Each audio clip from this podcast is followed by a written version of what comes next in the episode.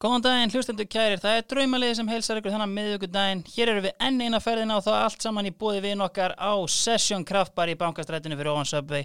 Asahláka hefur gengið yfir landi undanfanna daga en það er ekkert slíkt í gangi hjá Session. Það er einhvern hvað sem við kallum Ásahláka í búði King Ása Sveins þar sem að bjórin hreinlega flæður um staðinn. Drífið ykkur á Session Kraftbar í eitt kaldan. Nú uh, lengjan, 1x2 lengjan, uh, tipp kaffi knastmjöndeldina, það er að fara á staða fljóðlega. Þú styrkir íþróttastarf og hyrðir alla vinninga skatt frjálst í bóði lengjunar. Hvað getur þú gert það annar staðar? Hvergi. Nú þá hefur við tekið okkar lið toppmenn. Það eru OK Bón, albesta bónstöðu landsins. OK Bón, Óli Kongur, hann sérhæfið sér í detailingu á bílum sem er þetta massa bílinn og setja svo glæsilegt kót frá G-Technique, einhverju albesta vörumerki í, í þessum bransa. Og þetta þýðir það einfallega, kæra hlustendur, að þið þurfið ekki að bóna bílinn ykkar í nýju ár eftir að fara til hans. Ég veit, þið trúið mér ekki, en það eru nýju ár og þið fáið ábyrðaskýrtinni sem að kofera þetta allt saman. Nú eða viljið síðan bara fá vennilegt bón eins og gómurinn, þá bara heyrið í honum og, og kíkið á hann. Hann er upp í Kástnesi, Kópavóinum, því líkið toppmenn. Tjekkið á okbón.is eða á Facebook. Nú á sínum staður er síðan auðvitað okkar hundtryggu aðstofamenn í Bíkó og Sútep út á Granda. En fyrst þetta. Viðmannandi þáttarins er uppalinn káringur en fór upp úr tvítugt til Vólerenga í Noregi með drauma og vonir í töskunni og fallegan yrnalokk í eiranu. Þar náði hann aldrei flugi og var seldu til Svíþjóðar þar sem hann hendi eirnalokkum og hófa þróa leiksinn undir stjórn núverandi landslýstafvara Erik Hamren og hann var þinn albesti djúpi miðumæður sem við Íslandingar höfum átt.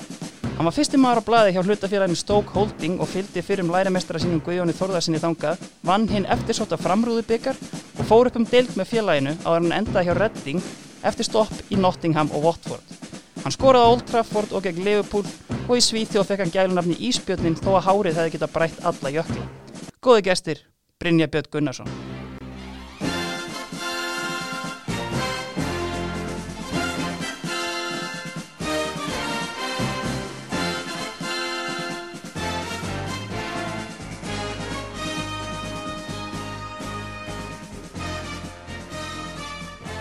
Blessaður Brynja. Blessaður, takk fyrir góða kynning það ekki? Herru, ég meina, færum okkur bara beint í þetta. Sko, 74 landsleikir, uh, 500 leikir í meistarflokki og Premier League Championship. Það er vantilega verið erfitt að velja þetta lið.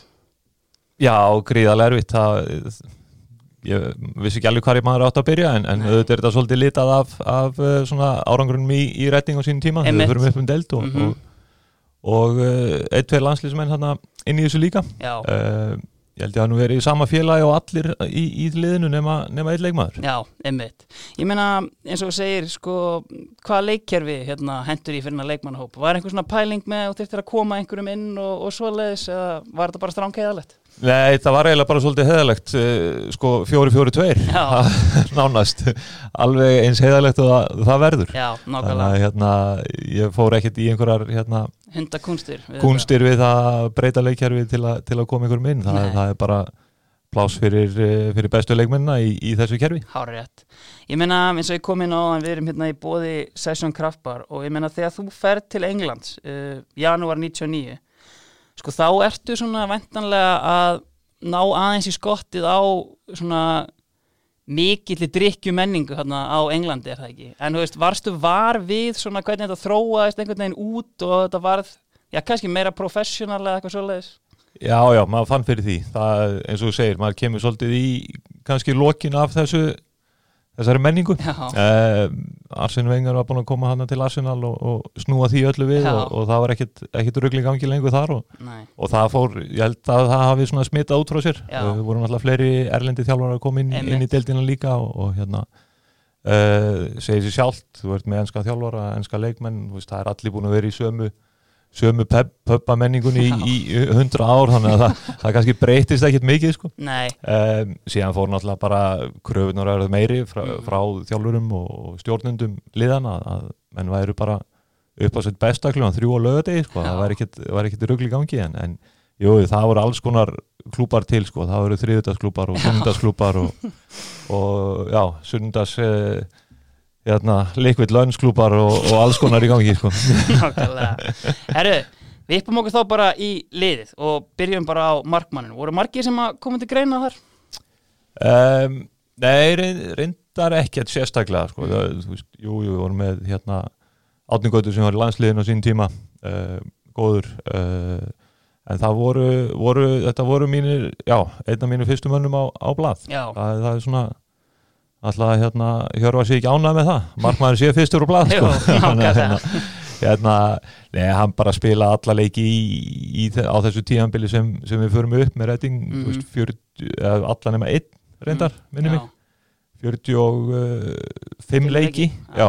þannig að hann tapaði bara einum sko, af Mhm. tveim um, og hérna var bara hrika löflur bæði það tíðanbil og, og, og fyrsta tíðanbilið í, í vorhaldildin líka já, að hérna, hann, hann stóð eiginlega svolítið, svolítið upp úr í, í þessu, að þessum liðum sem hann var, var búin að vera í mhm. Þetta er þetta Markus Hanemann uh, svo kom því að og ég meina aðtiklisverður náungi uh, mikill republikani og hérna og uh, bissumadur, var þetta hérna sérstakur karakter eða? hann var bara kanni en það var hann ekkit kallað Markus hann var bara kallað Buddy sko. hann var bara kanni eins og þeir, eins og þeir gerast bestir uh, mætti í sínum hérna uh, þegar við þurftum að mæti jakkafötum í leik og þá er hann í kúrikastífulum við og, og þar horfum við til göttunum sko. þannig að byssu eigandi og, lasið myndi að hann hefði líka verið það. áhuga maður um hænsnarekt og búfjana og annað sko. Já, ég, ég veit ekki, veit ekki alveg um það kynntist ekki alveg en, en þú veist, hann átti sinn, sinn hérna, svona kapinn, svona bústað einhverstaðar upp í fjöllum og, og hérna, eins og þú segir eh, veiðimaður og, og allt þar mm Var hann svona hérna sko maður svona, veist, alltaf því bandarækjumenn hafa framleitt marga veist, heimsklassa markmenn og það er svona eiginlega helsta útflutningsvaran þeirra uh, var hann hérna veist, með mikið presens eða bara svona meiri shotstopper með allan pakkan kannski Hann var alveg með, með allan pakkan hann var náttúrulega svolítið skrokkur sko, Já. hann var ekkert alveg í, í hérna 8% sko. en hérna en mikill skrokkur, gott presens uh, veist, bara eins og kannar eru tala mikið Já. ófeimin bara við að láta heyri í sér og, og hérna gat tekið til sín í, í tegnum kannski Mhm. ekki sá besti að koma út í, í fyrirgjafir og annað en, en hérna en var, uh, gat verið frábæra í, með frábæra vöslur algjörlega Herru, tökum þá bara hægri bakurinn næst Hvernig hérna, voru margir sem komið til greina eða vantalega bara þetta Club Legend Það, að já, það voru alveg nokkru sem komið til greina það, var, Mhm. það var kannski engin alveg, alveg augljós í, í þessa stöðu sko. Mhm. það var uh, þú ert að tala um Graham Murty Já. um, hann var fyrirlið sama bara á þessum tíma svolítið litað, litað af þessu retning tímanbili þarna 2-3 Emmett um, og hérna veist, það hefði alveg geta verið einhverju fleiri þarna, Andy Griffin Liam Rowe senior uh, þú veist, Gretara Já. landsliðinu. Mm um, og fleiri. Uh, þannig að ég svona þetta var, var einhvern veginn niðursta um, já, hann hérna var bara svona rock solid sko, ekki, ekki mest sexa nafni, nafni, sexy nafni á, á listanum kannski eða í liðinu, Nei, en hérna var hérna var alveg mjög solid þennan, tíma. Þú er mitt hérna, sko, kannski ekki mikið, en þú varst komin hérna á tímabili í hægri bakurinn sjálfur hjá Redding. Hvernig svona, og kannski svona eitthvað stöðu flakka á milli hafsend og miðjumanns, var þetta pyrrandi eða er maður bara, þú veist, já, þú veist, fæ að spila, bara sáttur? Já, ég, á, á þessum tíma þegar það var, þá, þá var það bara, bara flott, bara að spila og, og hérna, vissi að ég gætt gert það Einmitt. og, og ég var spilandi þarna sem hægri bakverður og við áttum samt en þá tvo, tvo hægri bakverði Mhm. í bekknum eða fyrir utan hóp sko. Mhm. þannig, að, þannig að hérna, ég hef alltaf verið þannig bara að, að ég verið ánæður að spila Já. uh, það er bara gaman að spila. Mér er alveg saman hvað ég er á vellun Já, en einmitt þetta er svolítið, hérna, svona maður man eftir þessu, hérna, sko, heimkoman hjá þér, hún tók svolítið tíma, af því að það svona byrjaði kannski í 2010 eitthvað svolítið, svona, já, herru, nú er Brynjar að koma í káir, Já. sem að ílengdist og ílengdist bara, hérna, og hérna, svona hvernig, einhvern veginn, manni leiði eins og þetta væri alltaf að líðundi lók, leið þér þannig sjálfum, eða svona, hvernig var tilfinningin? Já, þú veist, það kannski kom ekkert eitthvað skýrt fram, þetta var breytist hlutverki mitt þarna frá svona upp úr 11, tímanbíl 11-12 Já, þá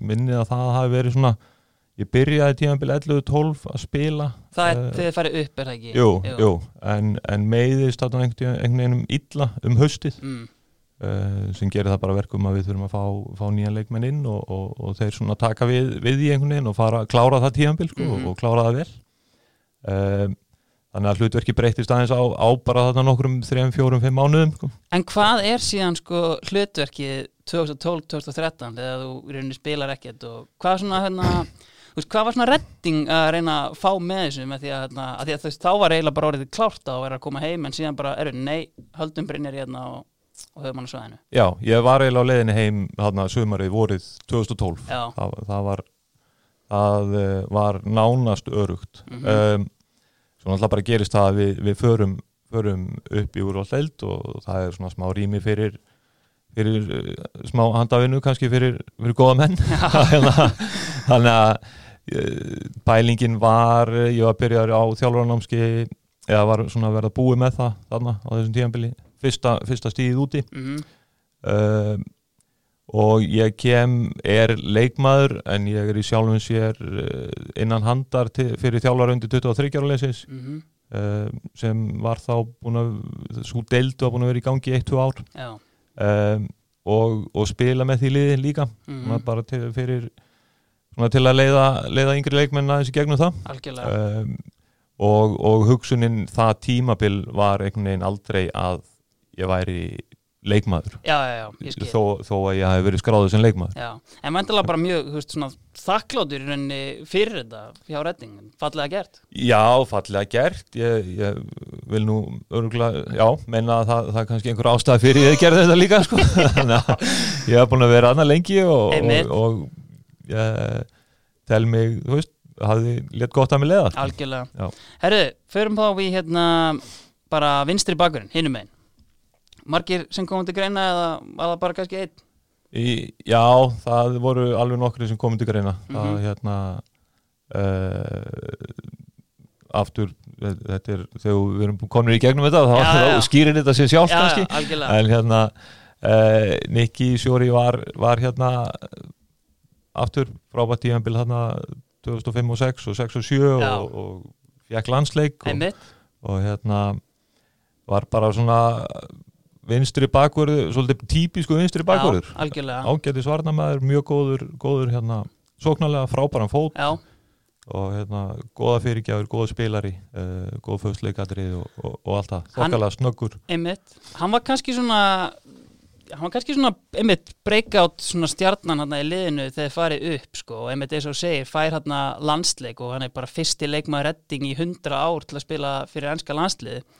en sko, svona, var þetta gæði sem þú sást fyrir að myndi ná kannski enn lengra, hann fer hann til Aston Villa setna meir og svona helst hann myndi gera kannski og síðan er henni fjara þetta undan hjá hann kannski eftir það? Já, uh, já, ég hefði viljað sjá, sjá hann gera betur aðeins í, í 2, 3, 4 ár Mhm. eftir, eftir þetta, þetta, þennan tíma. Mm um, kannski eins og með marga þetta, þetta, bara þetta lið uh, var eitthvað, það var eitthvað einstakt við það sko. Já, að hérna veist, uh, ekki stæstu nöfnin en, en gerði alveg ótrúlega hluti sko. mm um, ja, hann fer til Aston Villa svona á kannski tíma líka sem að Aston svona- Villa er með mjög gott lið og Já, já. verður undir í samkeppni þeir eru með gott lið og Martin O'Neill minni Einmitt, með að já. þjálfa og er kannski ekki, hefði ekki hentað Nicky frábærlega að vera, vera með hann um, Var hann maður sem þetta svolítið klappa bakið það? já, já, hann var já, Já. mjúkur, mjúk sál sko.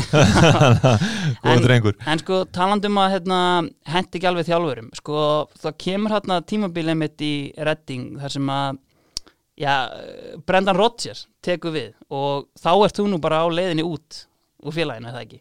Jú, jú, ég átti einhvern fund með honum í hann var ekkert hvenar það var, oktober, november Og varstu þá bara ekki að gefa nógu mikið að hliðarsendingum og Eh, hérna, það var ekki mikið nóg tilbaka og til hliðar og hljópa alltaf mikið og, og, og tækla alltaf mikið sko. en hérna, neini, við áttum svo sem alveg skap saman, fít gæi sko. um, og, og ég var alveg hrifin að því sem hann var að gera og margt, margt mjög sniðut sko, Mhm. og nýtt og svona, eða, ekki nýtt heldur bara sem hann var að reyna að fá, fá fram hjá, hjá sínu hugmyndafræði liði. bara, já, nákvæmlega. Uh, komandi frá Koppel sem þú veist, varst bara leikmenninni sá svolítið um þetta og þú veist bara að vera til staðar og, og vita hvað þú varst að gera sko. Mhm. uh, voru svona öðru í sér leiðbeiningar frá, frá brendan. Mm Sko, kannski ég meina þú 31 ást þegar þið farið hérna upp í úrvasteldina 2006 uh, þá búin að spila náttúrulega með Stoke uh, Nottingham Forest, Watford og Reading í Championship-deldinni var þetta var þetta alveg hjút skref að fara upp í Premier League Já, það er svaka skref sko. Það er bara að því nú er talað um Champions-deildina sem þú veist, mjög erfiða deild sem náttúrulega er en veist, það er líka náttúrulega því það eru 46 leikir og veist, maður náttúrulega átt að segja á því að það er hjúts að fara úr því að spila á sko, City Ground yfir Old Trafford og svona en þú veist líka bara kannski leikirnir við þú veist, hinn lið voru bara allt miklu erfiðara Já, miklu, þú veist, við, við vorum með Bolton, Blackburn Já. og, og einhver svona lið þarna líka í kringum okkur, Viggan mm. um, það, er, það er bara ekki það er ekki bara leikurinn, það er bara öll aðteklin, umfjöllunin þú veist, þú mátt ekki uh, þú veist, stígu út úr bílnum einhver staðar í, út í hagkaup eða þú veist, supermarkaðið, þú veist, það, það veit allir að því, sko. Þannig að hérna, það er líka, líka stæst atrið, öll, allt, öll umgjörðin kringum leikina, Já. aðdragandinn Mhm. þú ert að keira upp á völl tveim, tveim tímum fyrir leik og það, það er bara það er bara mætti 20-30 mann sko. nákvæmlega um, þannig að það, það öll svo upplifun verður, verður allt öðru þessu og þú upplifir bara að það er eru allir að horfa á því sko, Já, meðan, meðan í Championship og, og kannski neðri deildunum, það eru bara þessi 5, 10, 15, 20 sem mæta á leikin og, og þeir vita hvað er í gangi og aðra eru ekkert að pæli því mikið sko. Það eru annar vinstri bakverður hérna, sko, sem mikill áhuga maður vinstri bakverði um, svona á setni hlutunum hjá Redding þá mætir mikill meistari, Ian Hart. Sko gerði hann ekkert tilgællum að komast í liðið það? Jú, jú, hann Já. gerði tilkall Já. uh, klárlega uh, var, já, mikill Er það, það er ekki? rétt í þær jú, Já. alveg toppnáðingi sko. Uh, og bara legend sko, lýts aðdáðandur og, Já. og, aðrir sko, sem Einmitt. bara hérna og þannig að hann, hann gerði mikið tilkall um, það voru stórnöfn þannig í, í þessum potti sko. Ryan Bertrand uh, ég var nú komið með eitthvað annað hemmi náttúrulega, þú veist, það er bara synd að, að skilja hann eftir hann ég ætlaði að spyrja þeim út í hérna, Ryan Bertrand sem kemur hérna eitt tímabili í Champions-dildina hérna, með Redding sko, það er svona annar gæi sem einhvern veginn ég held að væri á kannski aðeins hærra level í dag en hann er veist, en svo sem bara fínt hann er alltaf í Premier League sko, en ég meina hann ég meina, þó hann hafi kannski ekki endilega verið fyrstum ára blað, þá startar hann í úrslitaleg meistaradildana fyrir Chelsea veist, frábær leikmaður eða? Já, góð, þú veist svoleitt bara svona eins og sjóri svolítið Já, sko.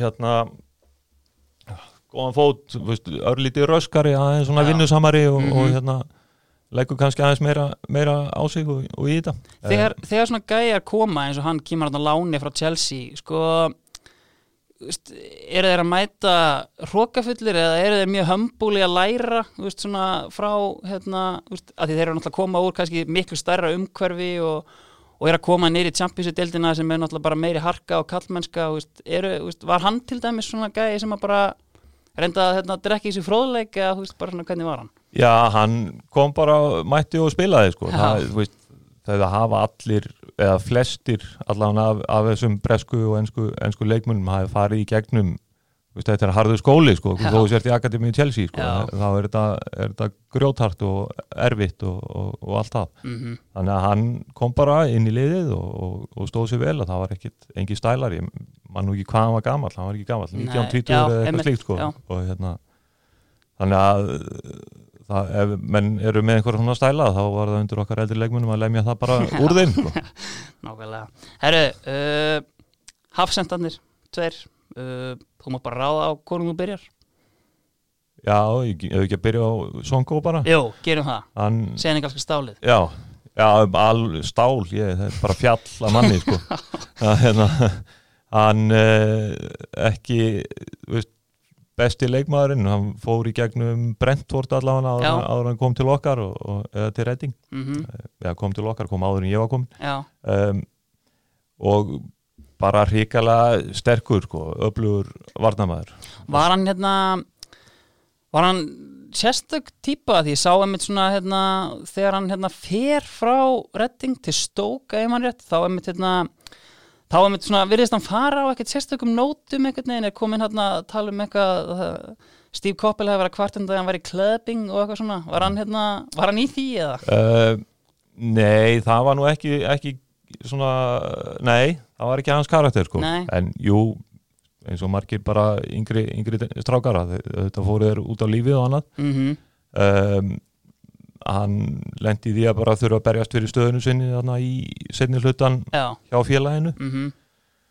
og svona þessi kúltúr sem var búin að vera í gangi hjá okkur allavega fyrstu tvö árin sem ég var þarna hann var svona aðeins búin að feitaði frá okkur og, og, og hérna eh, komu svona karakterir inn í, inn í hópin sem kannski voru ekki góðir og drófu Mm. með sér einn og tvo og Já, þeir draði með sér einn og Ég og þá, þá er þetta hérna er þetta fljótt að fara frá þér sko. mhm, um, þannig að ef ég mani þetta rétt að þá var hann heill búin að vera eitthvað smá meittur átt að spila varalisleik mm. undir lóktíðanbils mars, apríl eitthvað.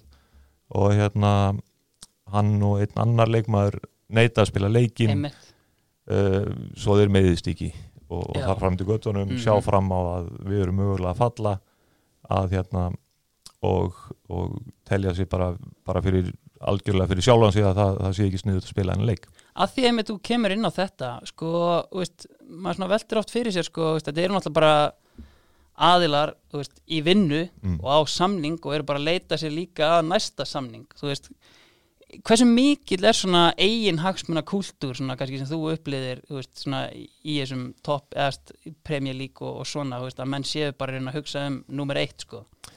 Það er mikið. Það er, ég held að það sé bara manneskjan er bara gerð þannig einhvern veginn að hún hugsar um sig fyrst Já. og fremst sko. já. Einmitt, já, og það er og þú þarft alltaf að hafa það, það baku eira þegar þú ert í liði eða ert að reyna að búa til lið eða, Mm. eða hvernig sem, sem það er og þá hérna er og það bara einhvern veginn skein í gegn þarna það, Já. það var búið að taka það út úr kultúrnum hann allavega í tvö ár, tvö, Já. þrjú ár Mhm. og hérna en síðan bara fara að menna efast og sitja heima og hugsa og veist, hvað ef ég gerir þetta og hvað Einmitt. ef þetta gerist þá, þá fæ ég ekki þetta og, og þar fram til göttunum heldur en að 110% hausinn, hausinn undir sig og, og hjálpa öllum liðsfélónum nákvæmlega.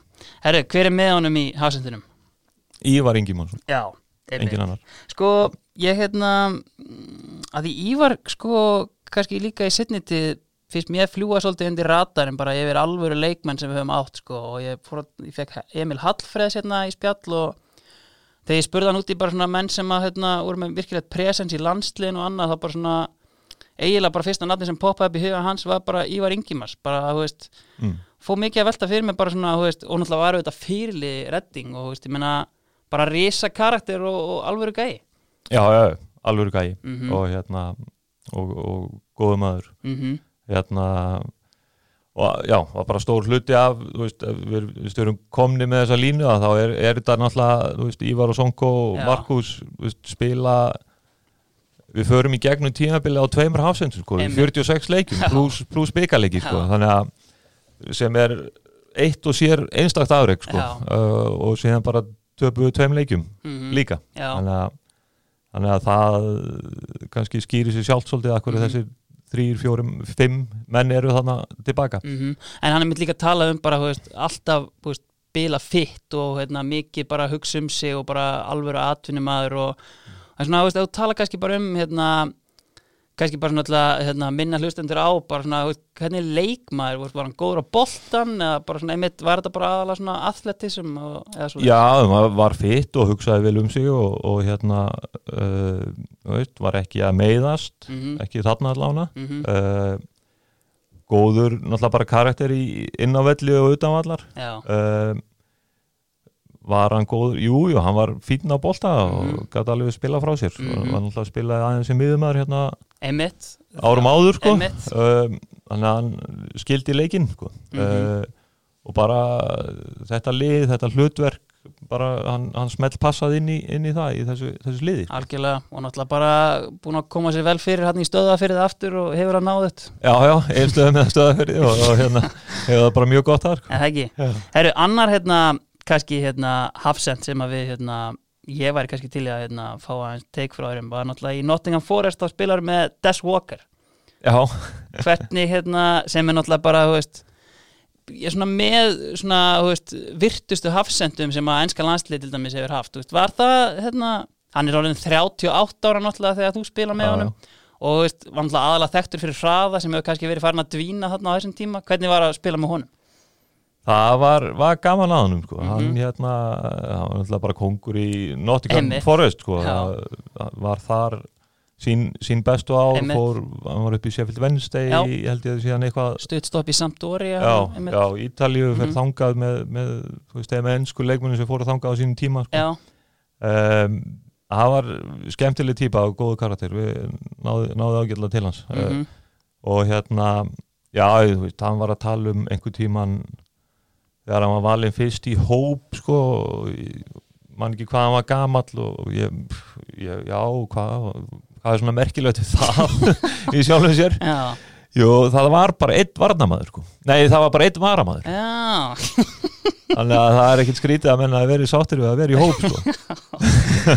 en einmitt sko hérna líka bara svona gæi sem að hérna enska pressan hefur talað um að sé svona lítið fyrir sviðsljósi og vill vera svolítið útaf fyrir sig. Var það svona þín tilfinning eða var það kannski var það kannski bara meira veist, klikkaðurinn í klefa fyrir vikið þetta- já, hann var, hann var bara góðu karakter í, í kringu lið hann, hann var, spilaði aðeins hann spilaði ekki mikið með þetta tímabil nei. þetta var held ég hann síðastu, alveg hann síðastu tímabil sko.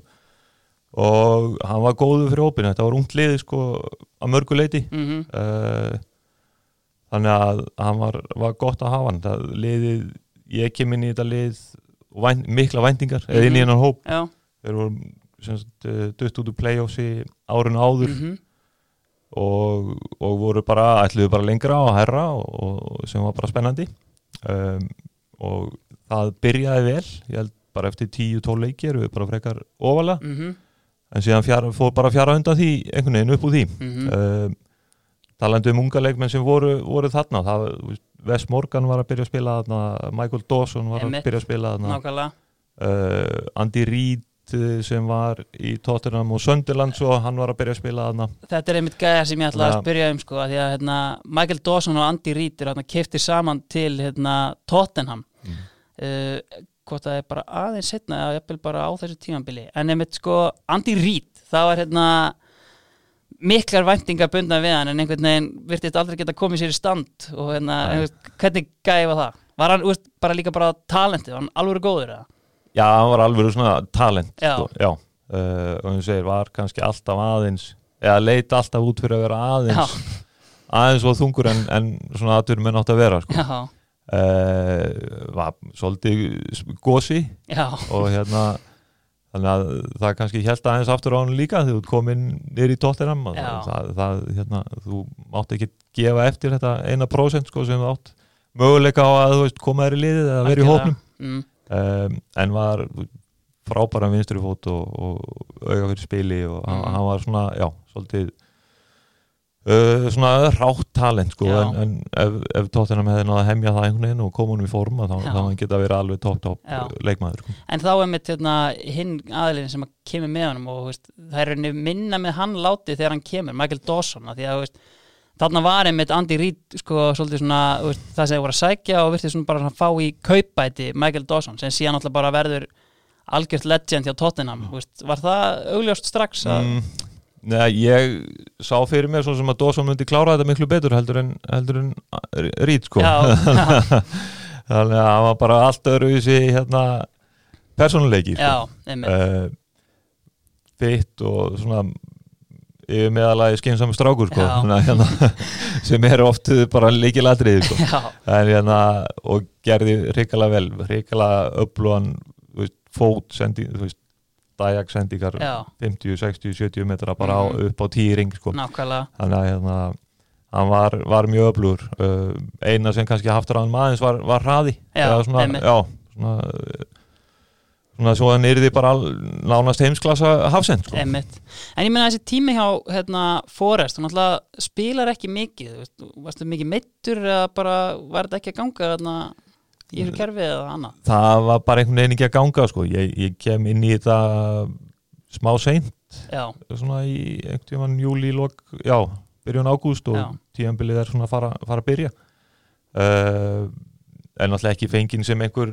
fyrsti maður sko. ég, ég er hann að bara styrkja hópinn og, Mhm. og fylla hans upp í það og uh, gekk ágætlega til, til að byrja með byrja held ég allavega fyrsta leikin í mótinu mm uh, mótið Söndilandlið sem var að koma niður og, og vinnuð þann leik og, og bara flott Mhm. um, en ég held að svona þjálfarn einhverju voru meittir og þá það vantaði hans inn í liðið og þjálfarn haf, hafði aðrar hugmyndur um það hverju, hvað, hvað hans besta lið væri sko. Já, þarna er einmitt að þjálfa á tímabili, það er ekki rétt hjá mér, Joe Kinnear uh, eða, Nei, hann tekur við Já, Paul Hart já, já, sem er byrjaður þarna sko. Paul Hart er komin upp úr uh, akademiðinu tekur við og er, er orðin að, aðal þjálfur Já, þarna já. síðan er hann látið fara og Joe Kinnear tekur við á, á einhverjum tíamúti mann nú bara reynilega ekki hvenar það var. En þú varst ennþá þarna? Ég var ennþá þegar Kinnear var Er já, það ekki- Litli vitleysingurinn eða?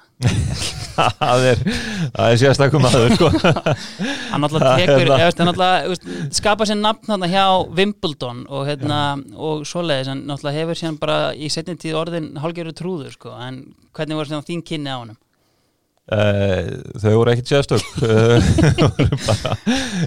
Eh, það þurfti ekkert að eiga brjálæðislega mikið við hann kannski en, en hérna, eins og þú segir hann, hann hefur hendað bara Wimbledon og þeirri grúpu og þeim kúltúr alveg upp á, upp á tíu sko, á, á sín tíma. Nákvæmlega. Þannig að hérna uh, en átti síðan voða li, litla möguleika eftir það Já, annar staðar uh, einmitt. þannig að ég, það verður sem minnst bara sagt um, sagt um mann sko. Herrið, þá er held ég bara fýtt tími til þess að hérna, uh, sko, minnir okkar í Súta Breykjavík út að granda, þeir eru svona þeir eru albestu í jakkafötunum. Brynjar, svona, var einhver tíman á ferlinu sem að einhver einstaklingu gekk inn í klefan og þú hugsaði með þér nei, anskotin, sko, í hvaða óskapnað er maðurinn klættur hérna í dag? Og kannski gerist trekk í trekk það var ekki oft það, þetta var nú alltaf, alltaf reglulegt jóka, það fór einhver peysa eða, eða skóri eða eitthvað upp í, upp í það, hengt upp í þækið sko. hérna, eða buksur eða hvað það var sko. Um, en það Pavel Pogrebniak Já. var kannski það sem var svona alvöru slafa tíska já, þú veist svona merkja overkill eitthvað sko hérna allum mertu bak og fyrir það, Mhm. það er kannski það sem stingur stingur svolítið í augun sko. En já uh, það er gott sjátt, Pavel Já. Pogrebniak í bóði Súta Breykjavík, vestklætti leikmaður í liði Brynjars Pjarnar uh, hérna, færum okkur þá hérna upp á miðjuna og við byrjum bara á uh, vinstri kantinum. Já. hvernig varstu með þar? Stephen Hunt. Stephen Hunt, annar redding legend hann verður sennilega alltaf þekktastur fyrir það að hafa orsakað það að Peter Cech skellt á sig hjálminum þegar hann rakk nýð hann í hausin á honum en, en veist, ég meina þetta var gæi sem var orðað við svona kannski þrepinu ofar en, en redding en síðan kannski gerist ekkert en gæða spilari já, Hann já naskur. naskur sko Já. hann var og svona svolítið ómissandi sko þó, þó hann hafi ekki kannski verið besti leikmaðurinn í liðinu mm mm. uh, lúsiðinn, alltaf að Já. upp og niður kantinn, inn að miðju og út og söður sko -hmm. um, góðu karakter, drífandi og hérna uh, svo gæti hann vara með fí, fínar aukaspinnur og, Mhm. og annað slíkt þannig að hérna, sem maður þurfti svolítið að lifa á um, þannig að voru við bara ágætis vinnir líka þannig að bara maður að hafa það með sér í liðinu. Bróðir hans, var hann ekki í liðinu líka? Jú, kom Góðu hann- bandir á milli þeirra hann í klefanum. Já, já, ágætur. Það var það gæti verið orðið svolítið sérstætt sko. en hérna Steven, já, bara og þú segir, það var kannski hans uh, þó að það hefur verið slæmt fyrir tjekk sko, en það, það var það besta sem kom fyrir Steven sko. Að það var, var lent í þessu sko, skapaði sér svolítið nafn sko. Uh, þannig að bara toppdrengur góðu spilari var, var þurfti að hafa mikið fyrir sínu Mm. hjá Redding, hann, Mm. hann, það Bobby Convoy var hann var númer eitt hann á kantinum. Mhm, tíðanbili sem við förum upp allavega og, og, og hérna Stífum þurfti að býða svolítið eftir sínum tækjafæri mhm. en greip það klárlega þegar, þegar það kom sko. Já, Her, tökum þá bara hérna hinn kantinn í beinu framhaldi Hvern, hérna, hvern valdur þar? Solki Hjún Það er kóreska góðsögnin uh, Sko, hann er náttúrulega hérna, hann er fyrsti Asíubúin til að skora í mestaradildinni fyrir andelegt og hérna og svona, veist, kannski svona aðeins svona, svo ég hætti mér á hættulega slóðir, svona stereotypísku asísku leikmennir eru bara svona dugnaðar forkar í minni kantinum, jú, svona ágætlega teknískir, en hann var bara skrokkur og bara með þú veist, góða tækni og bara svona virtist hafa bara svona allan pakkan einhvern veginn.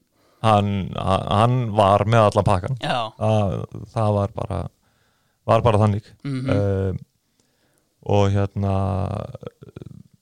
nema, þú veist, eina það var bara erfitt held ég veist, allt annar kultúr Já. í Englandi, Mm. það hafi kannski verið að helsta sem, sem ég held aftar á hann sko. Mhm. en hann var með veist, gætt skotið og sendt með hægri vinstri alveg jafnvel og, Mm. og þú veist, stór, sterkur, fljótur uh, gætt búið, búið sér til pláss úr ótrúlegustu stöðum Mhm. og gætt skorað á aukarspilnum á 35 metrum og, og þú veist, það var hann hefði, já Er það svona gæði sem þú kannski hef, haldið að myndi ná einmitt lengra ef þú veist, kannski allt hefði svona fallið fyrir hann, veist, hann hefði svona settlað inn og, og annað? Já, ég hefði bara auðvitað geta verið í topp 6 Já, liði, sko einmitt. Já, auðvitað En hérna, sko, eins og ég sagði einmitt, sko, hann skoraði náttúrulega líka hérna jöfnunamarkið á Háan 2002 á móti ítölum, þá er hann bara rúmlega tvítur, sko, og hérna fer einmitt þá til anderlegt og, og fer síðan til Wolfs og Redding held ég og síðan fjaraði svolítið undan þessu.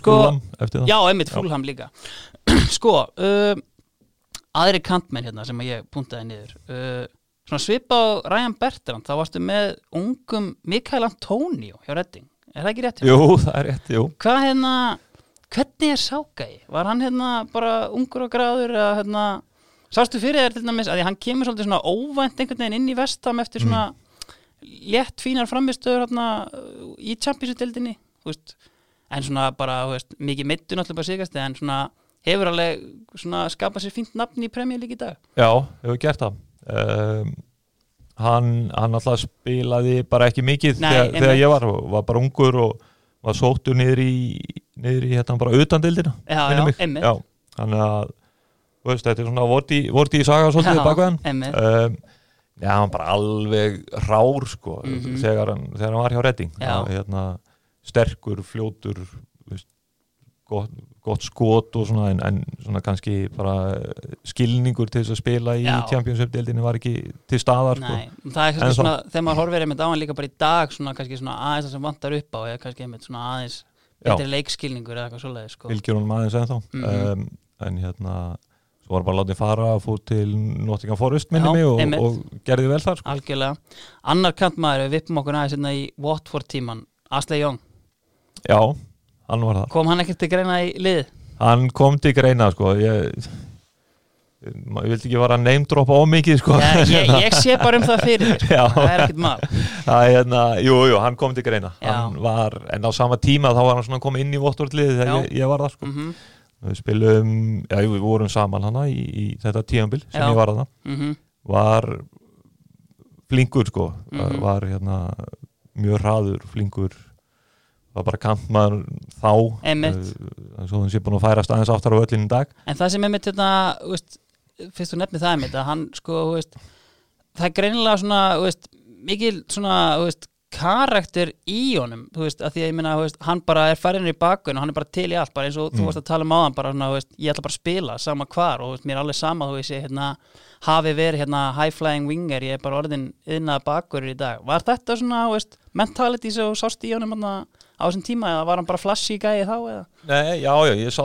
sá það alveg það, hann var í Arsenal Akademíinu að hann kemur til, til Votvort og, og hérna, Votvort hefur nú í einhvern tíma, eða einhverjum tímabili lifað svolítið á því, hann bara mm. gyrðingan á milli aðeins að sagða sko.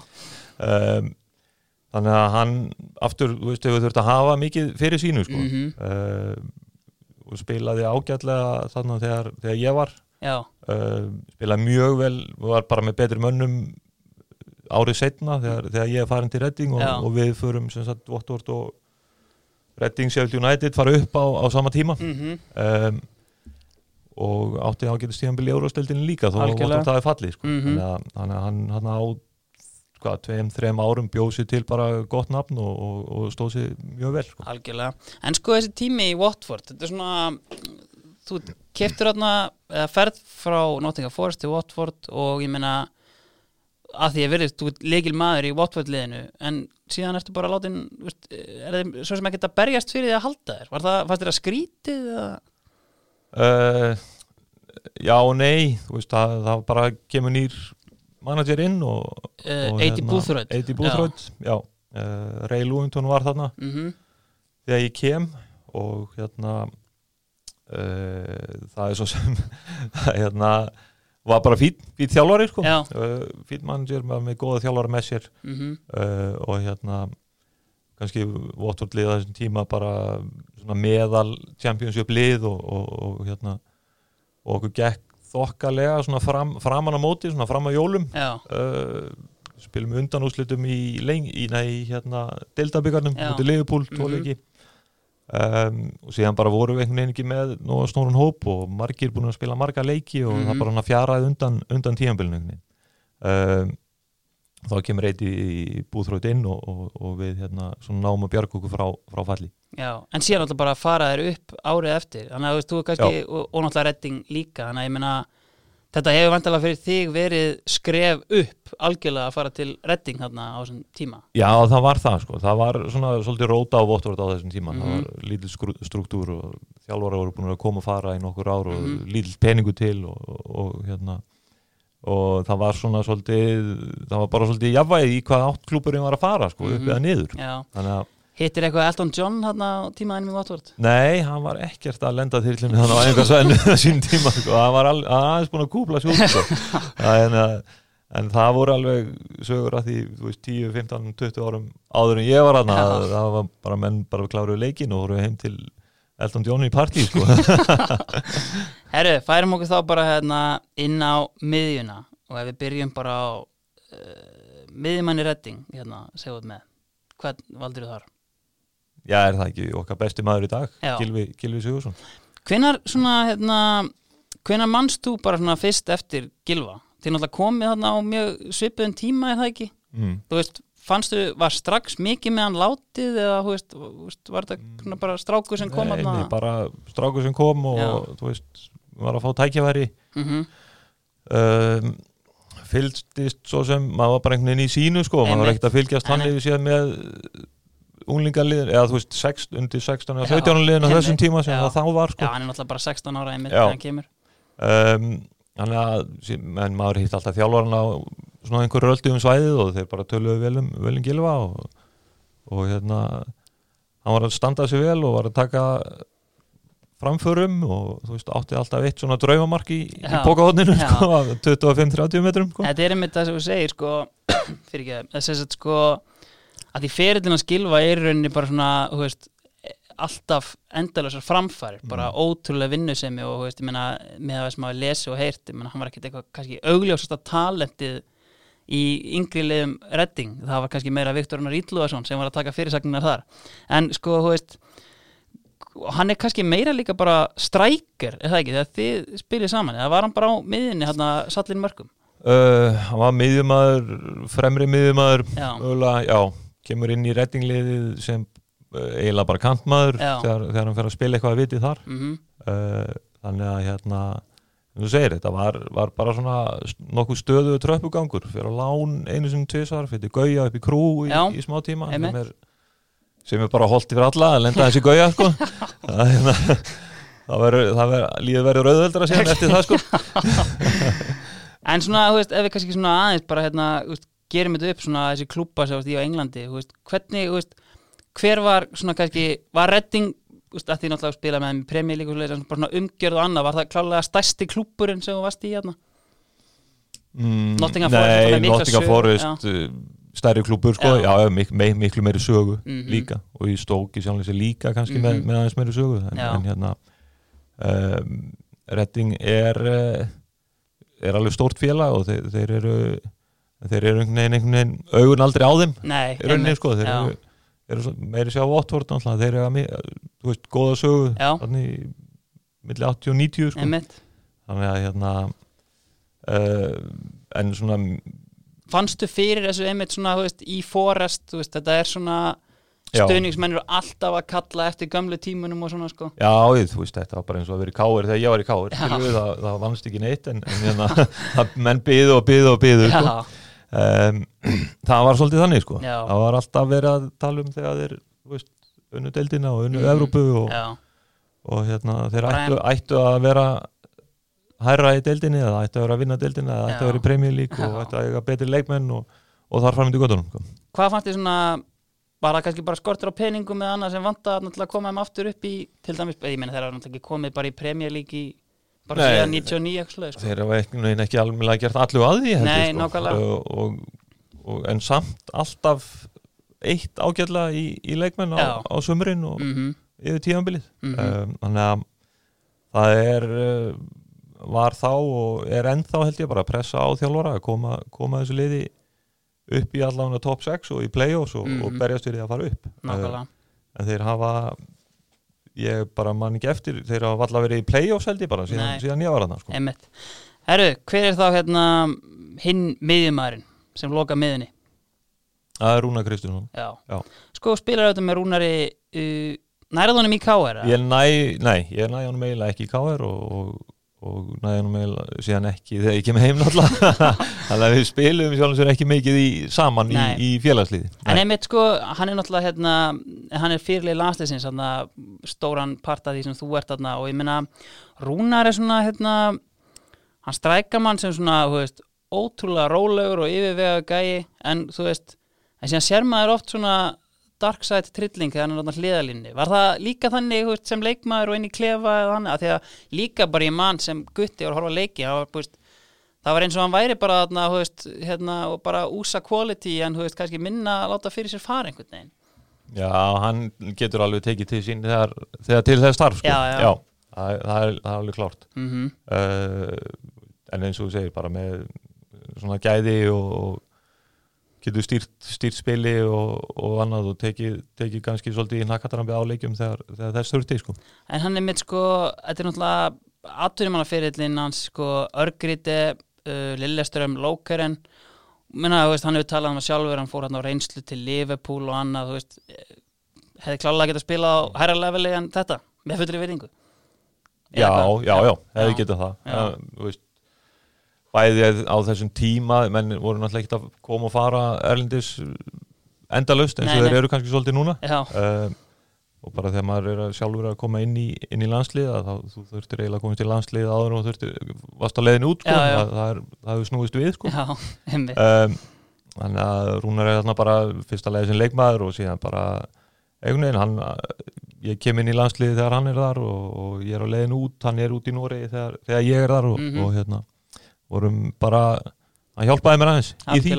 Um, sama þegar ég fer síðan til Svíþjóðar til Ölgríti þá, þá náttúrulega var hann búinn að vera þar og, og hérna, þannig að þetta er svona svolítið persónulegt val bara líka. Já, mjög, mjög samt sangjant val, verði ég að segja. Já. Sko, uh, kannski fleiri miðjumenn sem komið til greina? Mér dettur í hug Steve Sitwell í háræting já, já, Steve Sitwell, James Harper mm. uh, veist, ég náði leikjum með Sigga Jóns í landsliðinu skilur og þú veist, það er, það er, það er fullt, af, fullt af mönnum hann sem mögulega hefði getað verið á blaði. Já, En sko, einmitt, uh, ef ég minnist þetta á sko, Steve Sitwell sem er hérna með þér í Redding og, og fer síðan til Chelsea er það ekki bara var það ekki allt of stórt stökk eða, eða, eða voru hæfileikar hérna sem hann nýtti ekki eða? Nei, það er bara allt og stórt það er bara þannig. Voru þið bara inn í klefanum bara ha, þegar hann fætti Chelsea. Já, þetta er, þetta er svona þú veist, hann var á nafn í Championship Mhm. dildinni sko. Já, um, og þú veist, þetta er bara vinna umbóðsmanna markaðsetja og tala vel og, og hérna, taka réttu viðtölinn og, og, og þar, þar fram til gotunum sko. Þannig að hérna, það, það var eiginlega stór hluti í þessu. Um, hann alltaf fer frítt. Um, tekið góðan samning tekið góðan samning Já. og veist, jú, sjálfur tekið náttúrulega bara sensin á því að fara til Chelsea Mm. og Mourinho er þarna og frábæri leikmenn og, Já, já. og veist, það er bara uh, hann spilaði á móti okkur árið setna og var tekin út að í hálfleik sko, þannig að þannig að hérna, bara allt, veist fyrir hann hefði verið betra að fara í eitthvað svona Aston Villa, Vestam, Já. eitthvað eitthvað á því róli sem hann gerði setna og, og, og gerði ágætlega sko. Sko aðrir af albestu vinna þáttanins lengjan, þeir hafa mikið verið að velta fyrir sér sko áttu verið einhvern leik þegar þú ert bara svona situr á kvöldin, búin að svæfa krakka og annað og bara svona þetta er bara minn uppáhaldsleikur segir mann eftir að hafa spilað. Að hafa spilað? Já, Það, já, já, það eru nokkri sko. það er Manchester United í, í byggarnum Já. frá Liverpool í byggarnum reynda líka upp á Anfield Mér er mitt dettur strax í hug sko þessi hérna leikur sem þú uh, tekur Bena Jún í bakarið og, og kloppar inn súa og læður honum inn á Shane Long ég veist, gerist þetta eitthvað mikið betra en að hérna, púla þetta á Anfield eða? Nei, ég held ekki sko. Það, þetta er gaman, alltaf gaman að horfa á þetta og fylgjast með hérna og nei, það gerist eiginlega ekkert mikið betra. Þetta Nei. er bara ein, einstök tilfinning sko. Mhm. fleiri leikir, við spilum West Ham um jól. Uh, manngifinu 6-1 eða 6-0 eða, eða eitthvað og, Mhm. og hérna, já. Bara einstakt einhvern veginn á, á þeim tíma Mhm. og jól og fjölskyldan er úti og, Já. og, þú veist það er bara, bara frábært sko En síðan náttúrulega tekur þið þátt í hérna, er það ekki rétt sem er miklum trúðaleik Portsmouth 7 Redding 4 hvað var í gangi hérna, þú veist, hvernig, hvernig líður manni eftir svona leik? það er bara bara ótrúlegt sko. er eitthvað alveg ótrúlegt. Fyrir það að þetta er ekki fyrsti leikunum sem ég hugsa um fyrir sjálf mig en, hérna, en það var bara allt í gangi. Ég man nú ekki bara hvernig ganguleiksins var sko, Nei, en, manni en, líður hérna, einhvern veginn bara eins og maður hafi bara, veist, þetta bara, þú veist, er það er mark. Hann bara kom og fór og síðan Já. hann bara farin ég reyndar ekki í rútu heim ég fór og varð eftir hjá heima en, Já. en hérna um, er hefði mikið að nutta þér upp úr þessu Nei, nei, ekkert mikið, við bara slóðum staðins og þá var þetta búið sko. Það er hérna ég var ekki jaft á einhverju tímapunkti? Jú, jöfnu jú. ekki þrjú þrjú Jú, eða eitthvað einmitt, Já. og síðan, síðan, síðan, sildi þetta frá síðan bara þarna. gerðist eitthvað sko. fjögum mörki viðbót. En síðan náttúrulega, þú veist, kannski það sem að hérna, sem að sko, fyrirsögninni DFF stórbrotið en Ísland tapaði samt og það er markið á Statu Frans Já, var það ekki líka algjörlega trillt eða? jú, það var, það var geggjað sko. Var hérna veist, og bara, þú veist, já, jafnað stórbróti, töpum, allt það en við, við jöfnum leikinn hérna og Já. vorum bara einhvern veginn inn í þessu sko, í, í Fraklandi á móti heimsmeisturum. Og, og bara já, gerðum allt sem við gátum til að vinna leikinn sko. Þetta er einmitt svona, svona að því að, þú veist, krakkar í dag náttúrulega bara, veist, þekkja Ísland á EM og HM en, en ég man þá tíma þar sem að, veist, þetta var einmitt bara þrjú tvö tap fyrir frökkum. Hvernig var þetta svona, hérna, þú veist, hvað sem maður inn í klefa eftir leik, ég veist, það er alltaf ömur að tapa, en voru menn samt bara svona, herri, þetta var nú bara helvíti gott og, var bara standardin þar kannski? já, já, uh, þú veist engir veist, íþróttamenn vilja tapa sko. Nei. það er náttúrulega bara þannig að, hérna, en, en menn gerðu sig grein fyrir því kannski að möguleikin var ekki stór og leikurinn var í, í sjálfum sér ágætur og, og hérna, og náttúrulega keppni, reyðilega keppnin var búin að vera góð Algjörlega. uh, þannig að þegar menn voru aðeins búin að staldra við og horfa svona að heilda myndina þá, þá, þá var svekkelsi ekki þannig séð mikið sko Mhm. en, en, en bara þessi fyrstu, fyrstu mínútur og klukkutími eftir leik sem hún tapar, hann, hann, það er bara Alltaf lélegt. alltaf léleitt Já. Já. En þetta er einmitt svona, þú veist, ef við höldum okkur þessum nótum, svona, þú veist, þannig að þegar þú ert í landsliðinu, þú veist, þá er þetta, þú veist, maður kannski lesi viðtöl og það er kannski stemt á þriðja til fjóruða sæti í riðlinum sem er samt mjög skrítið því það náttúrulega gefur þannig séð ekki neitt, sko, Mm. en þú veist, hvernig er svona fyrir þjóð eins og Ísland og, veist, kannski ekki í dag, þar sem að við stefnum bara og gerum kröfu um EM og HM þetta hverju ári, Já, já. En hvernig er svona, þú veist, bara svona kannski, herruðu, það er reyðlega keppna að byrja hérna, þú veist, var þetta einhver tíman, við ætlum bara ekki að vera til, til skammar, hreinlega, veist, hvernig svona er, hvernig var svona, þú veist, almennt svona markmiðasetning og svona fyrir þessar undankeppnir? Um, hún var nú kannski ekkit ekkit rosalega markviss í fyrsta leið sko.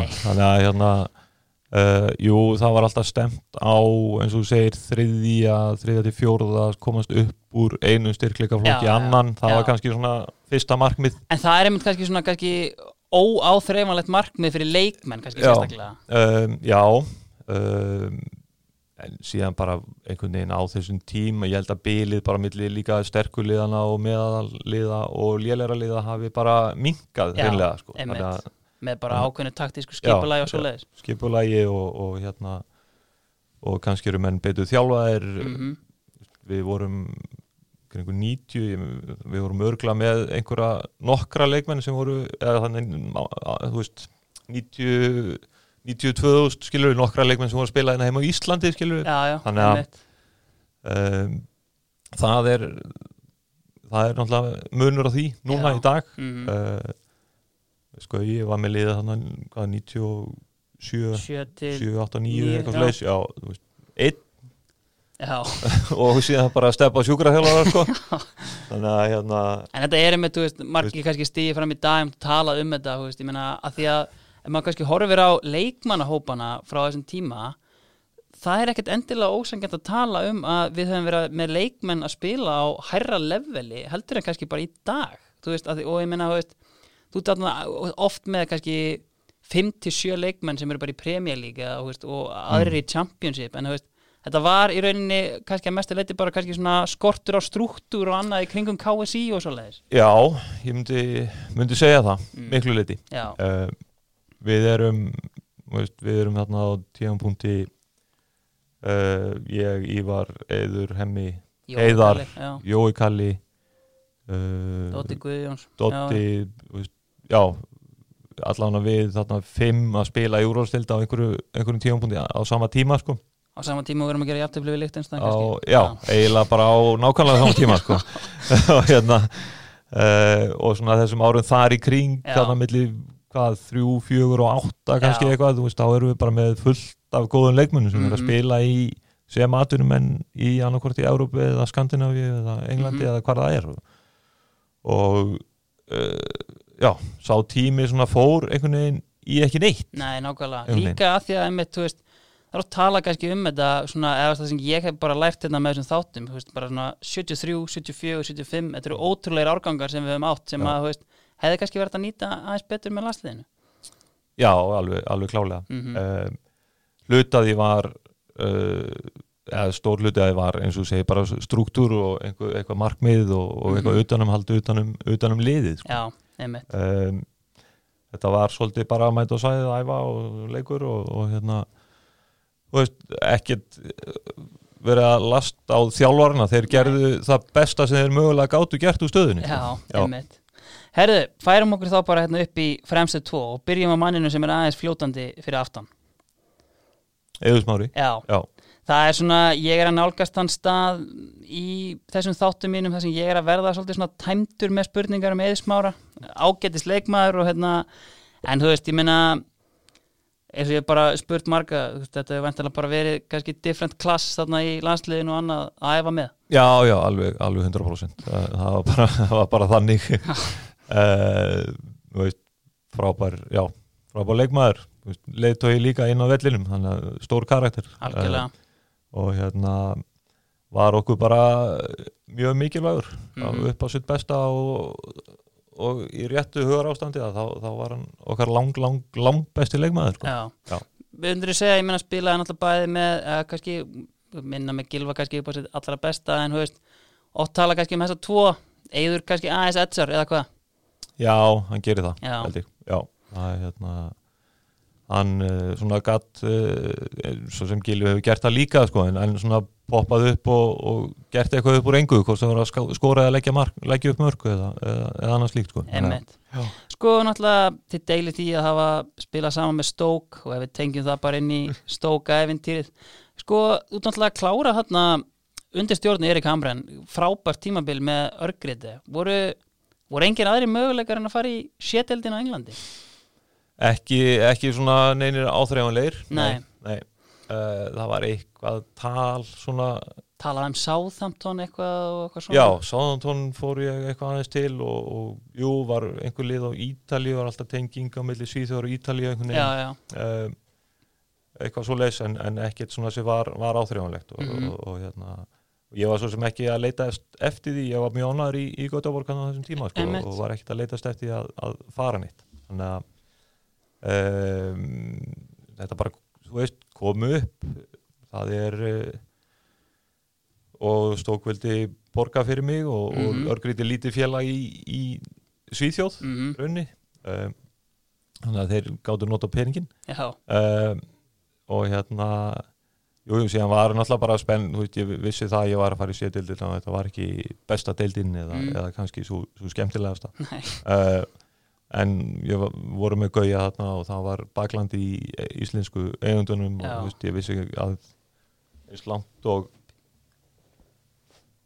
eins langt og það náði að ég myndi spila Já. allan leikið og, og ég held ég bara hafi bara nánast frá fyrsta degi í eitt og hálft ár bara spila hvernig einasta leiku upp á mínútur um, sem er bara geggjur reynsla sko, alveg Mhm. sama í, í hvaða deild það er sko. Er það ekki með málið, bara að hvað sem maður er í rauninni bara veist, og að svona maksa kannski sína veist, samninga og annað, veist, að maður er bara að Mm. spila þá er það bara það sem skiptir mestu máli. Já, en sko, ég meina, eins og ég segi, þetta er stók æði sem grípur um sig hérna á landinu. Greian Kavanagh og Pítur Þorn er upp á öllum veggjum hjá ungum krökkum. Sko og ég meina náttúrulega endalaust af Íslendingum að koma inn og út þarna, var þetta ekki bara geggjaði tímið það? Jú, mér fannst það bara frábært sko. Það, það tala náttúrulega engin, engin vel um stók sem, sem borg sko, en, en, en hérna mér fannst hún bara, bara fín byggum, þú veist, kortið frá æfingasæði og, og eitthvað svona og bara bjó í stók Mhm. ekkert í mannsýstur eða einhverstaðar fyrir Nei, utan það sem er kannski aðeins flottar að vera sko. en hérna jú, veist, menn sem hefði geta verið á blaði hérna, sko, Bjarni Guðjóns Já. spilaði frábælega og, og þú veist, Rikki kom hana, Stebbi Þórðar, Pétur Mm. Martins uh, okkar besti maður kom á æðaðins hérna, Hjörvar. Hann er mitt segir sko að hérna, það hefur bara ekkert verið nema klúður hjá honum að hérna, vera ekki áfram þarna þegar Já. voru allir mark með mittir og, og Hjörvar komin á bekk þarna Já, uh, veist, ég er örgulega til að byrja með var hana eins í Dan, Steini Gísla. Já, uh, Birki Kristins mm uh, það eru örgulega einhverju fleiri þarna sko, sem, sem ég man ekki alveg eftir Einmitt. En síðan er mitt hérna, já, Arna Gunnlaugs Arna Gunnlaugs líka, já, nákvæmlega En sko náttúrulega kannski hápunktarnir hérna tíðarferðir á Wembley, þú veist, ég meina að vinna framrúðu byggarinn. mm. Ég meina, vannst eitthvað mikið fleiri titla, þú veist, fyrir þannig kannski að vinna Championship-dildina? Ég meina, kannski eftirminnilegt að taka úslitaleik og, og vinna. Já, já, já, eftirminnilegt að fara á Wembley Já. og fara í úslita leik Já. á held ég bara fullum vellir Já. sko, náttúrulega segi, stók söguvrækt lið og tók marga með sér og Mhm. móti Bristol City Já, sem er líka tek, getur tekið með sér fólk sko, þannig að hérna, það völlunum var held ég bara fylltur og, og það var bara geggjað sko algjörlega. að, hérna, uh, með síðustu leikjum held ég bara á, á gamla Wembley, sko. það þannig að það er gaman að hafa, hafa komið, farið þangað og spilað og, og unnið sko. Já, nákvæmlega. Sko, uh, áður en við förum hérna upp í nýjuna sem klára lið, þá langar mitt að fara hérna yfir nokkra nýju sem við hefði geta haft. Uh, mér langar að byrja á uh, tíðum Shane Long mm. sem er svona hérna strækjar sem skorar ekki mörg en sko hérna en að spila, þetta er vantilega svona leikmaður sem ekkert ímynda mér að þú veist sé að því hann alltaf hættir ekki að hlaupa og bara svona draumur Mm. fyrir manni eins og þig bara á miðinni að hafa fyrir framann sig Já, algjörlega uh, bara búin að gera vel, þú veist, vel fyrir Alveg sinn feril sko, að hann kemur kemur til redding svona eiginlega bara baktýra megin, bara svona Já. upp á von og óvon sko. Og hérna og uh, sama byrjaði seint í fótbolta og það veist, var lengi vel svona skilningur og annað var ekki alveg, mhm, alveg til staðar sko. en, en bara var og er ennþá fljótar en anskotin sko, Já. og hérna frábæri loftinu með sprengikraft einhvern veginn sem, að, sem hann getur nýtt sér um, sterkur og, og bara er alltaf að Já. þannig að lendir í einhverjum vandræðum þá gastu allavega að leita, upp í leita upp í hodnið og hann bara var að hljópa eftir því sko. Sko, annar maður sko, sem hérna, hittir reyndar á tímabili ferli sínum þar sem hann var actually að skora en gerði hann ekki mikið af því og það var Big Marlon Harewood uh, sem var frammi varst í Forrest það sko ekki mikið af hæfileikum kannski fyrir að fara þar. En, en ég meina, þú veist en, meina, kom þér óvart síðan þegar þú sást hann poppa upp bara í League með Vestham og svona? Já, aðeins, það gerði það. Ekki, nei, ekki mikið að hefur, en svona bara svona típiskur neðri, eða svona fyrst delta leikmaður í, Mhm. í, í Englandi, stór, sterkur þokkalega röskur Mhm. uh, var kannski ekki, Jú, skoraði sín mörk svona hér og Mhm, þar sko, en, en ekki, ekki svona alveg til að Til til þess að maður um- tæki já. eftir, eftir því sko Nei. En sá, kannski slúttum sko á byrjuninni. Þegar þú ert í Voleringa, þá er það á sama tíma 18-19 ára gammal John Carew. Var það monster talent eða? Því hann fer síðan bara, veist, á sama Já. tíma og þú ert að fara til Stoke í sétildina, þá er hann að fara til Valencia og í úslitaleg meistaradeildarinn og hana. Já, hann var bara já, svaka talin sko. hann var með sína hæð og Ég menn hann leit bara út fyrir að vera þrítugur hann átján Já, já, 18 ára og veist, árinu, eða þetta sem sagt, haust sem ég er að koma á því tímabili er, mann ekki hvort það er undan úslita leikur eða eitthvað á móti vikingstafangur eða eitthvað og, Mhm. og Voleringa er í, er í næstu efstu deild og viking efstu deild og, og, og hann skorar einhver þrjú þrjú mörg þar Já. og vinnur leikinn sko. já, og hann var bara svona var bara verða og átti eftir að verða næst, bara stæsta stjarna Noregs næstu, næstu 10-15 ár sko. já. Og einmitt bara svona, veist, þegar kemur inn í klubbin, veist, er þá bara augljóst að það er, þetta er útlutningsvaran okkar, veist, þetta er maðurinn Já. sem að, hérna, já, það er bara að fara að gera já. Topp maður, eða? hann, já, Já. já, var það hann, hann fer nú á milli til Róseborgar eða ekki í eittu ár já. Uh, já, getur verið, já. Já. En, Eh, jú, já, eh, jú, það eru fleiri svo sem þarna frá Skandinavíu það var Markus Albeck í, í Örgríti og Jóhann Jó- Jón Elmander, og það voru margi góðu leikmenn sem sem maður hitti þarna á leiðinni sko. algjörlega. Herðu, en förum þá bara í, hérna, mannin sem loka liðinu, eini sem kom til greina. Heiðar Helgursson Já. Já. Sko tölvært þetta að ræða þar kannski svipað á með hérna, Ívar því hann hefur kannski ekki óttur í nefndur en svona, veist og svona kannski eins og með Ívar svona leikmaður sem að kannski hefur haldið sér meira frá sviðsljósinu og, og svona menn svona vita lítið um en sko, veist var hann ekki bara kongurinn á það til dæmis í Watford Jú, jú, alveg heiklaust sko. Já. Já. og ég meina bara, þú veist, mann kannski fannst oft svona að því að á þessum tíma, veist, kannski þegar hann er að byrja hérna að þá ertu með þessa stereotypisku 4-4-2, þessu með litli stóri en Heiðar var lítill að vinna hlutverk stóramannsins og mann finnst kannski eins og ef hann hefði haft líkamsbyggingu Marlon Herwood þá hefði Vestam kannski verið Já. að taka hana mögulega um, hann bara var það var uh, okkar mikilvægasti maður sko í Votvort að þessu ári sko. Mhm. Já, uh, og hérna og var búin að eiga bara ágætis ár undan, hann kom, ég man nú ekki alveg hvernig hann kom, 99, Já, 8, einmitt. 9 eða eitthvað. Hann var- nær var þarna búinn að vera eina þarna í 5-6 tímabili ár, sko. hann nær Já. eina tímabili með þeim í úrvalstildinni hann það Fyrsta seasonið fyrsta sísónu, Já. og hérna svo var hann bara búin að vera að spila vel og stöðugur og, og hérna uh, vir, vir, þurfti bara eins og aðrir tíma líka til að koma sér inn í, inn í deildina og kultúrin og, og allt það. Mm um, en var, var þarna bara, já stæðst að stjarnar sennilega í, í, í Votvort -hmm. um, þú segir, hann, hann gat eiginlega nánast allt sko hann, Mhm. hann var náttúrulega góðu spilari og loftinu náttúrulega gat hann hoppað yfir markmenn sko, sem var að koma út með höndunum sko. um, og þú veist duglegur náttúrulega eins og, eins og margir sem þú hefur nefnt Já. sem þú þarf, bara að vera. Um, þannig að það var, var mjög skemmtilegt að, að náða hann tíðanbili með, með þar í, í Votvort algjörlega og ég menna það sem allir hafa beðið eftir sko, við erum í bóði Bíkó og höfum verið að velja hérna yðna mannliðsins hjá mönnum í bóði Bíkó sko, heiðar er sennilega harðasti sendir landsleisins í minni tíð. Öskraði andlitið á Oliver Kahn og leta hann innilega heyra það og síðan þegar allir held að hann væri komin yfir sitt besta skeið að þá vippaði hann sér bara til QPR og er góðsögð þar og markaðist í leikmaðurleysins í Premier League og íþróttumæður ársins. Auk þess að lagði hann skóna á hilluna kipti sér kvóta og fór að mála. Þannig að það er engin spurning að Heiðar Helgu er yðnamaður liðsins hjá Brynjari Byrni í bóði Bíkó Herðu, þá er liðið komið, ég ætla bara að fara östnögt yfir það fyrir hlustendur, það er Markus Buddy Hanemann í markinu uh, Nicky Sjóri í vinstri bak hægri bak Graham Murti og hafsendar Íbrahima Sonko og Ívar Ingimarsson á miðinni frá vinstri til hægri Stephen Hunt, Rúnar Kristins Gilvi Sig og Solki Hjón og í hólunni Eiður Smári og upp á topp Heiðar Helgu. Og hver Brynjar myndi þjálfa þetta lið?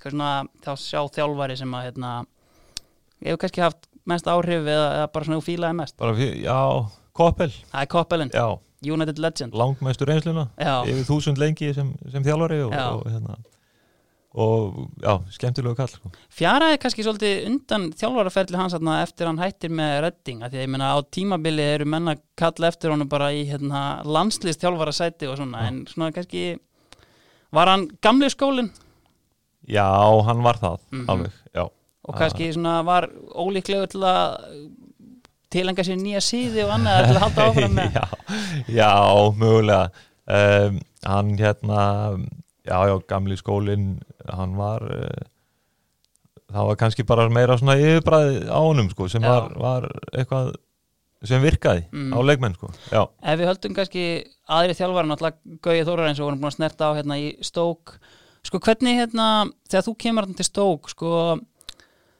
Gauði náttúrulega innilega dóminerandi einstaklingur og svona náðan alveg strax til leikmannahópsins, voru þeir að kaupa þessa frábæru ennsku með íslenska hreim bara alveg strax að, já ég, ég kem nú 2-3 mánuðum senna en, en hann er tekin við sko. þá Mm. hann svona komin finnst mér að vera komin inn í þetta svolítið. En ég, ég held að þetta hafi verið alveg verið erfitt að koma inn í svona klefa. Já, og þó sért í annari deildinni það eru alls konar karakterar þarna sem eru tilbúin til að rífast við því sko, og eru ekkit að hika við það. Nei og hann kannski ekki líklega til að bakka út af því. Og, og hann rífst þá bara á móti við því sko, þannig að það er er ekkit kompromiss í, í, í bóðið þar sko.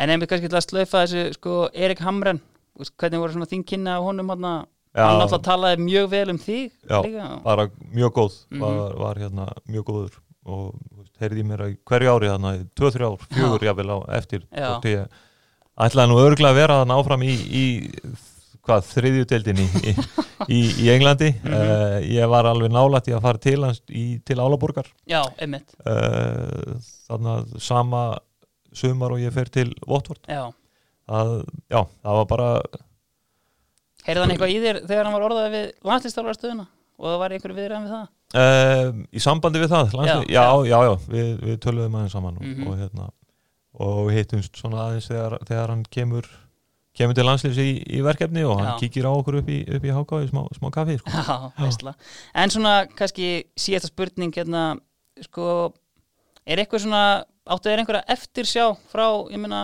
annars glæstum ferli, kannski eitthvað move sem að hérna var á kortunum en, en fjall upp fyrir uh, Nei, það var nú lítið um það sko. Mhm. það hérna uh, eftir, Nei, það maður á ekki að sjá eftir neinu Nei, það er, það. nei, það er Nei, það er að ná tíðanbili í örgríti fer til, fer til Englands þú veist, ef ég fa- verið áfram í örgríti í eitt, eitt, tvö ára og, og hérna eitthvað hvort að þá var ég að spila vel og, og hérna hvort að öðruvísi möguleikar sko, Mhm. Ítalía, Ítalía eða eitthvað slíkt sem, sem hefði geta verið í bóði sko. mm en, en svona þegar öll myndinu skoðuð að þá bara það að komast inn í Englandi, þá var, var það mikilvægt sko, um, fyrir framaldið algjörlega. Uh, þannig að hérna þannig að það er, nei, nei, ekkert, ekkert sem maður sér eftir en, en maður, auðvitað er einn og einn hlutur sem maður hefði kannski getað höndlað öðruvísi eða gert betur sko.